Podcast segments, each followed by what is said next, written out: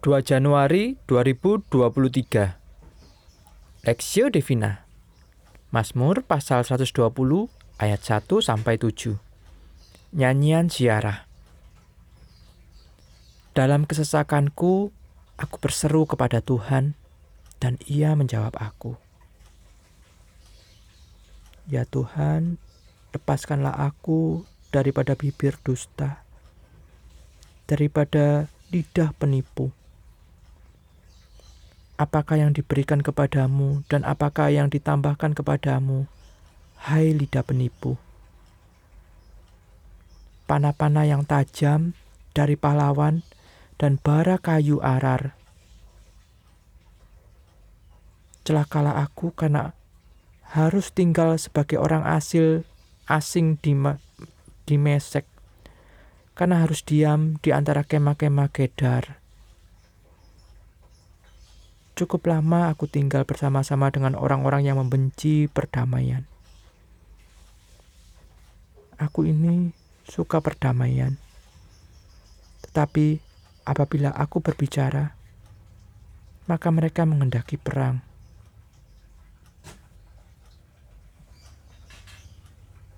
Keluhan musafir perspektif.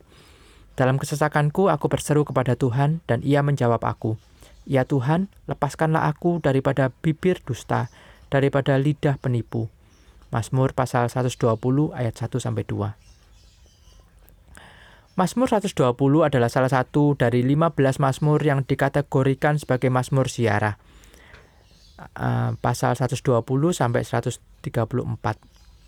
Ada yang menamakan mazmur pendak pendakian mungkin dinyanyikan saat mereka ziarah ke Yerusalem yang menjadi agenda rutin. Sambil mendaki, Mazmur-Mazmur ini dikidungkan. Dikatakan pemazmur tinggal daerah asing. Ada dua nama tempat yang disebutkan yaitu daerah Mesek, mungkin termasuk wilayah Turki dan Kemah Kedar, wilayah Arab. Bisa jadi pemazmur pernah tinggal di daerah Kedar atau bisa juga ia bersama orang Kedar tinggal di Mesek yang kebetulan tempat tinggalnya dekat kemah orang Kedar. Namun, ada pendapat lain yang berkata bahwa ini hanyalah makna kiasan. Daud tidak pernah benar-benar tinggal di Mesek dan Kedar. Ini hanyalah kiasan dari orang-orang jahat yang Daud hadapi. Menurut Matthew Henry, Mazmur ini ditulis Daud ketika Doeg mengadukan dia dan para imam kepada Saul sebab Mazmur ini mirip dengan Mazmur 52 yang ditulis saat kejadian itu. Pemazmur juga mengeluh diusir dari jemaat Tuhan hingga ia terpaksa ada di tengah orang-orang biadab. Mazmur ini mengingatkan apa pun yang kita hadapi sepertinya masih punya kedudukan dan kuasa namun kita dibuat tidak berdaya, dipersulit dan dipermalukan tanpa bisa melawan. Dalam situasi seperti ini, janganlah kehilangan iman untuk tetap berseru, berdoa dan berserah kepada Allah. Mohon Tuhan lepaskan kita dari fitnah yang kejam. Allah yang menyatakan keadilannya, kita tidak perlu frontal, tidak perlu membalas. Doakan agar kita diberi kekuatan untuk tetap bisa mengendalikan diri, mengendalikan emosi. Musuh kita sudah melakukan kesalahan kesalahan kepada kita. Jangan sampai kita juga membalasnya dan melakukan kesalahan yang sama. Karena satu kesalahan tidak akan pernah selesai jika dibalas dengan kesalahan lagi. Mazmur ini memberitahukan kita sulit mendapatkan lingkungan yang hidup, mendapatkan lingkungan hidup yang ideal.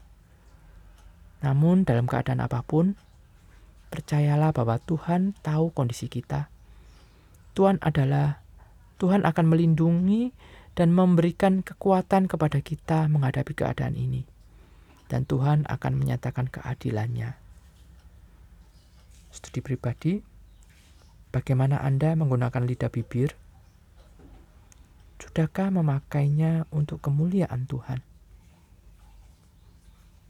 Mohon Tuhan menolong kita untuk memakainya untuk kemuliaan Tuhan. Pokok doa, doakan agar di dalam gereja ada relasi yang baik antar pelayan. Doakan agar komunikasi terjalan baik. Doakan agar komunikasi terjalin baik dan tidak saling melukai, baik dengan perbuatan dan perkataan, agar tubuh Kristus bersatu dan berkembang.